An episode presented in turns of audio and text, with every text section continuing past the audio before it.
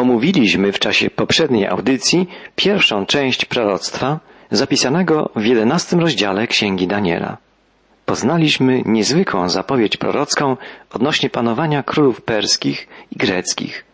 Zapowiedź, która wytyczyła bieg wydarzeń na całe stulecia, ukazując wiele szczegółów przyszłych dziejów narodów starożytnych.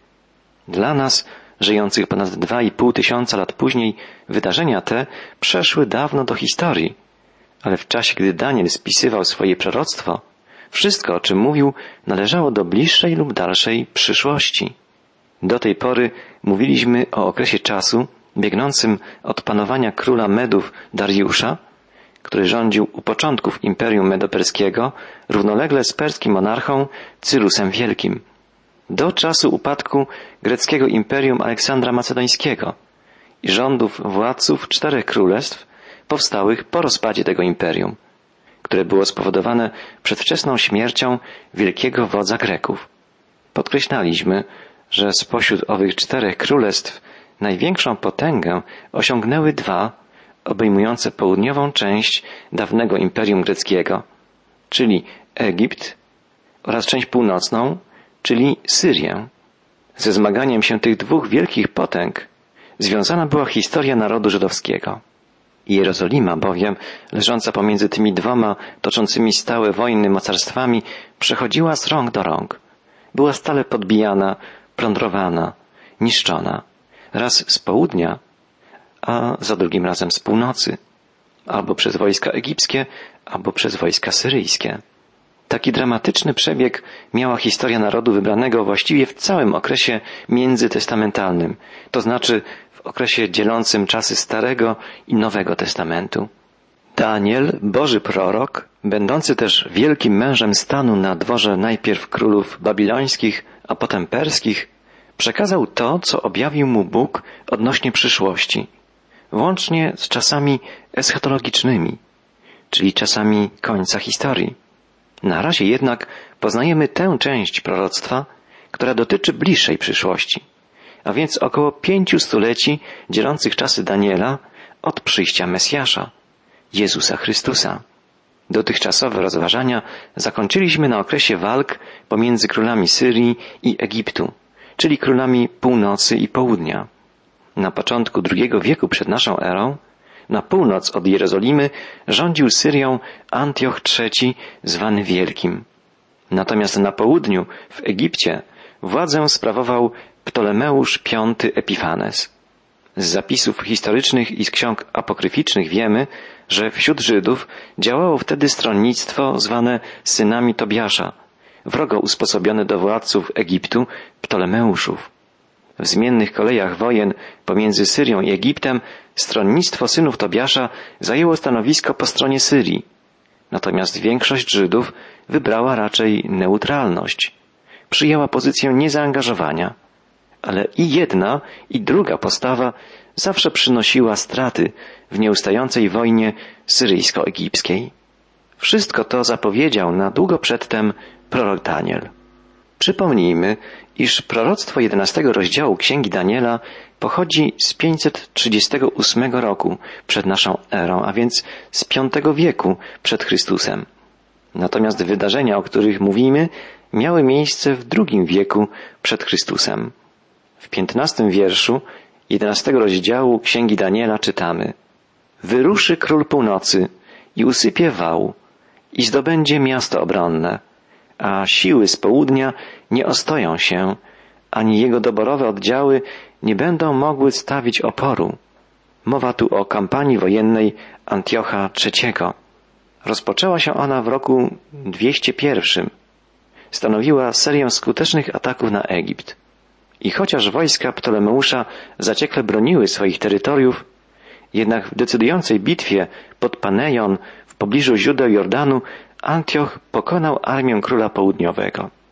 Rok później wojska króla północy zajęły południową część Azji Mniejszej, a następnie przystąpiły do długotrwałego oblężenia Sydonu, który w tym czasie należał do najsilniejszych twierdz obronnych. W roku 197 przed naszą erą został w końcu zdobyty Sydon i tym samym droga do Palestyny i do zdobycia następnej twierdzy Gazy została otwarta. Król północy, zapowiedział prorok, usypie wał i zdobędzie miasto obronne. Tak się stało. Antioch III Wielki, jak już wcześniej wspomnieliśmy, jest jedną z głównych postaci, którą tekst biblijny zajmuje się w wierszach od 10 do 19, 11 rozdziału Księgi Daniela. To właśnie Antioch po zdobyciu Sydonu zajął Palestynę i od tej pory Palestyna została prowincją, znalazła się pod panowaniem Seleucydów, czyli królów syryjskich, królów północy. Dokonało się to w roku 198. Natchniony tekst biblijny przepowiedział to wiele, wiele lat wcześniej. Czytamy, iż władca z północy stanie w prześlicznej ziemi. Jest to określenie odnoszące się do Ziemi Świętej, do Palestyny. Dalej czytamy, iż z Palestyny Antioch III Wielki dotarł do nieprzyjacielskiej stolicy. Proroctwo zapowiedziało, że będzie dążył do opanowania całego królestwa zawrze pokój z Egiptem przez oddanie swej córki Kleopatry za żonę młodemu królowi Egiptu Ptolemeuszowi V. Jednak ten dyplomatyczny zabieg nie powiódł się, ponieważ Kleopatra zajęła pozycję po stronie męża, a przeciwko ojcu. Czytamy, potem będzie dążył do opanowania całego królestwa. Zawrze z nim ugodę i da mu córkę za żonę, aby zniszczyć królestwo. Lecz to się nie stanie, i to mu się nie uda, potem zwróci uwagę na wyspy i wiele ich zdobędzie. Lecz pewien dowódca położy kres jego zniewadze, ponadto odpłaci mu za tę zniewagę. Antioch III skierował swe siły na wyspy w basenie Morza Egejskiego. Zajął Azję Mniejszą, a potem skierował swe wojska do Grecji. Ale wszystkie te zamierzenia skończyły się fiaskiem. Poniósł porażkę najpierw pod Termopilami, na północ od Aten w roku 191, a następnie w roku 189 pod Magnezją nad rzeką Meander, niedaleko Efezu. Przegrał z przeważającymi wojskami rzymskimi, dowodzonymi przez rzymskiego generała Luciusa Scipiona. Dalej czytamy w wierszu dziewiętnastym. Potem zwróci uwagę na twierdzę swojej ziemi, lecz potknie się i upadnie i zniknie na zawsze. Antioch powrócił do swojej ziemi, zawiedziony i załamany. Został w niedługim czasie zabity podczas plądrowania świątyni. Z punktu widzenia historii biblijnej, Antioch III był postacią ważną, bo za jego królowania Palestyna dostała się pod panowanie Syrii. A po nim na tronie królów północy zasiadł Seleukos IV Filopator, a z kolei na jego miejsce zasiadł na tronie syryjskim Antioch IV Epifanes, słynny, okrutny, nikczemny prześladowca Izraelitów. Opisany jest w detalach w wierszach od 21 do 35. Będziemy mówić o nim dość dużo. W proroctwach właściwie interpretowanych znajdziemy prorocki obraz tamtych czasów. Ten tekst jest jeszcze jednym z dowodów natchnienia Pisma Świętego. Jest pięknym przykładem natchnionej inspiracji Pisma Świętego. Po śmierci Antiocha III Wielkiego królem syryjskim został najpierw Seleukos IV Filopator. Czytamy w wierszu 20. Powstanie na jego miejsce taki, który wyśle poborcę podatków poprzez prześliczne królestwo, lecz ten po kilku dniach zostanie zdruzgotany, ale nie wskutek gniewu lub wojny. Seleukos Filopator do Palestyny wysłał swego ministra Heliodora w celu obrabowania skarbu świątyni w Jerozolimie. Syria bowiem, wskutek wzrastającej potęgi Rzymu, zmuszona była płacić Rzymianom trybut w wysokości tysiąca talentów rocznie. Aby zdobyć tak wielką liczbę pieniędzy, Seleukos stanął przed koniecznością zebrania takiej sumy w krajach będących pod jego panowaniem, włącznie z Palestyną. Jednak wkrótce po wyjeździe Heliodora z misją podatkową kraj obiegła wiadomość, że Seleukos Filopator w tajemniczych okolicznościach zakończył życie. Tak wypełniło się proroctwo. Po kilku dniach zostanie obalony, choć nie publicznie, ani w wyniku wojny. kolejny wschodni władca zakończył życie tak, jak przepowiedział to Boży prorok. Dalszy tekst proroctwa od 21 do 35 wiersza 11 rozdziału Księgi Daniela ukazuje nam postać szczególnego władcy, okrutnego, nikczemnego tyrana, króla północy, Antiocha IV Epifanesa. Królował on w czasie schyłku panowania Syrii i wzrastania potęgi Rzymu. W latach od 175 do 164 przed naszą erą. Antioch doszedł do władzy poprzez podstęp i oszustwo. W czasie, gdy Seleukos Filopator został otruty, prawowitym następcą tronu był jego syn Demetrius Soter, zatrzymany w Rzymie jako zakładnik. A drugi syn Seleukosa, który miał na imię Antioch, był jeszcze dzieckiem, wychowywanym w Syrii. Antioch IV Epifanes, brat zmarłego króla Seleukosa, drogą podstępu polecił zamordować małego Antiocha. I w ten sposób sam zasiadł na tronie. W Biblii czytamy, powstanie wyrzutek, któremu nie powierzą godności królewskiej, lecz przybędzie niespodziewanie i podstępnie zdobędzie władzę. Działalność Antiocha IV Epifanesa, którego bibliści określają jako prekursora, poprzednika Antychrysta, została przedstawiona szczegółowo w proroctwach Daniela. Czytamy w wierszu 22. Wojska będą przed nim doszczętnie zniesione, jakby powodzią i rozbite. Nawet książę przymierza będzie zmiażdżony. Po dojściu do władzy Antioch podejmie kilka zbrojnych kampanii przeciwko królowi południa. Proroctwo nie zajmuje się szczegółami kolejnych batalii wojennych. Podaje ogólnie, że wojska będą przed nim rozbite, jakby powodzią. Innymi słowy, odniesie zwycięstwo nad swoimi wrogami. W drugiej części tego wersetu spotykamy niezwykłe określenie zostanie zabity książę przymierza. Jest to przepowiednia śmierci najwyższego kapłana, Oniasza, którego Antioch kazał zamordować swemu katowi Andronikowi w roku 170 przed naszą erą. Najwyższy kapłan Starego Przymierza piastował tytuł księcia przymierza, ponieważ był przedstawicielem Bożego prawodawstwa w tym czasie. Przebiegły król północy w podstępny sposób zawarł porozumienie z różnymi narodami, a szczególne przymierze zawarł z Egiptem. W tym czasie trwała rywalizacja o tron egipski dwóch bratanków Antiocha, Ptolemeusza VI Filometora i Ptolemusza Euergetesa. W walce o następstwo tronu Antioch pomógł pierwszemu z rywali, Ptolemeuszowi VI Filometorowi, synowi Kleopatry. Pomoc oczywiście okazał jedynie dla własnych korzyści, dla własnych interesów. Tym samym wzmocnił swoją pozycję. Królestwo Antiocha IV rozszerzało się różnymi sposobami. Środkami militarnymi, ale przede wszystkim podstępem i intrygą. Druga wyprawa Antiocha do Egiptu, dokonana nagle i niespodziewanie, przyniosła Antiochowi wielkie zdobycze i korzyści, które w sposób hojny i rozrzutny rozdał swoim sprzymierzeńcom. Czytamy, od chwili sprzymierzenia się z nim będzie postępował zdradliwie, wyruszy, będzie silny mimo małego zastępu, wpadnie niespodziewanie do najżyźniejszych części krainy i uczyni to, czego nie czynili jego ojcowie ani jego praojcowie. Łup i zdobycz i mienie hojnie rozdzieli między nich.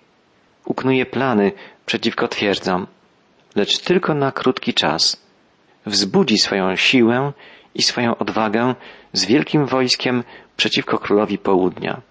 A król południa przygotuje się do walki z wielkim i bardzo potężnym wojskiem, lecz nic nie wskóra, gdyż plany uknują przeciwko niemu.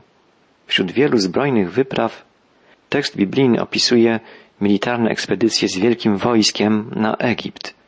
Kolejna wyprawa Antiocha skończyła się pobiciem Ptolemeusza VI. Został on zdradzony przez swoich bliskich poddanych. Także i to zapowiedział proroczy tekst. Nastąpiła jawna zdrada wśród najbliższych doradców króla południa, czyli króla Egiptu. Nawet ci, którzy jedli u jego stołu, doprowadzili go do upadku, tak jak zapowiedział prorok Daniel.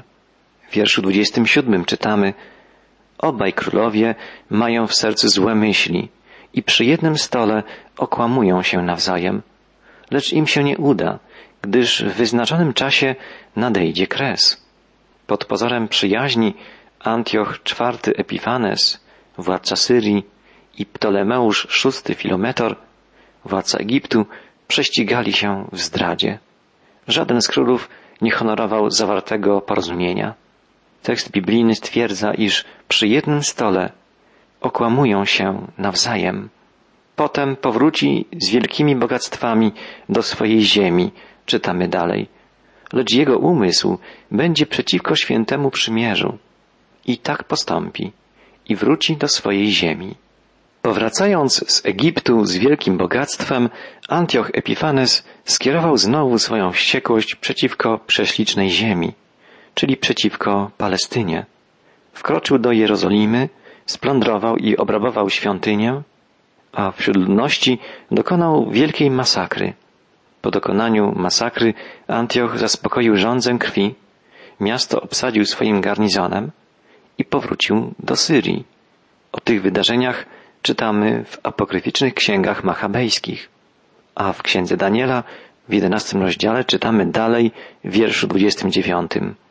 W czasie wyznaczonym wyruszy znowu na południe, lecz tym razem nie powiedzie mu się tak jak za pierwszym razem.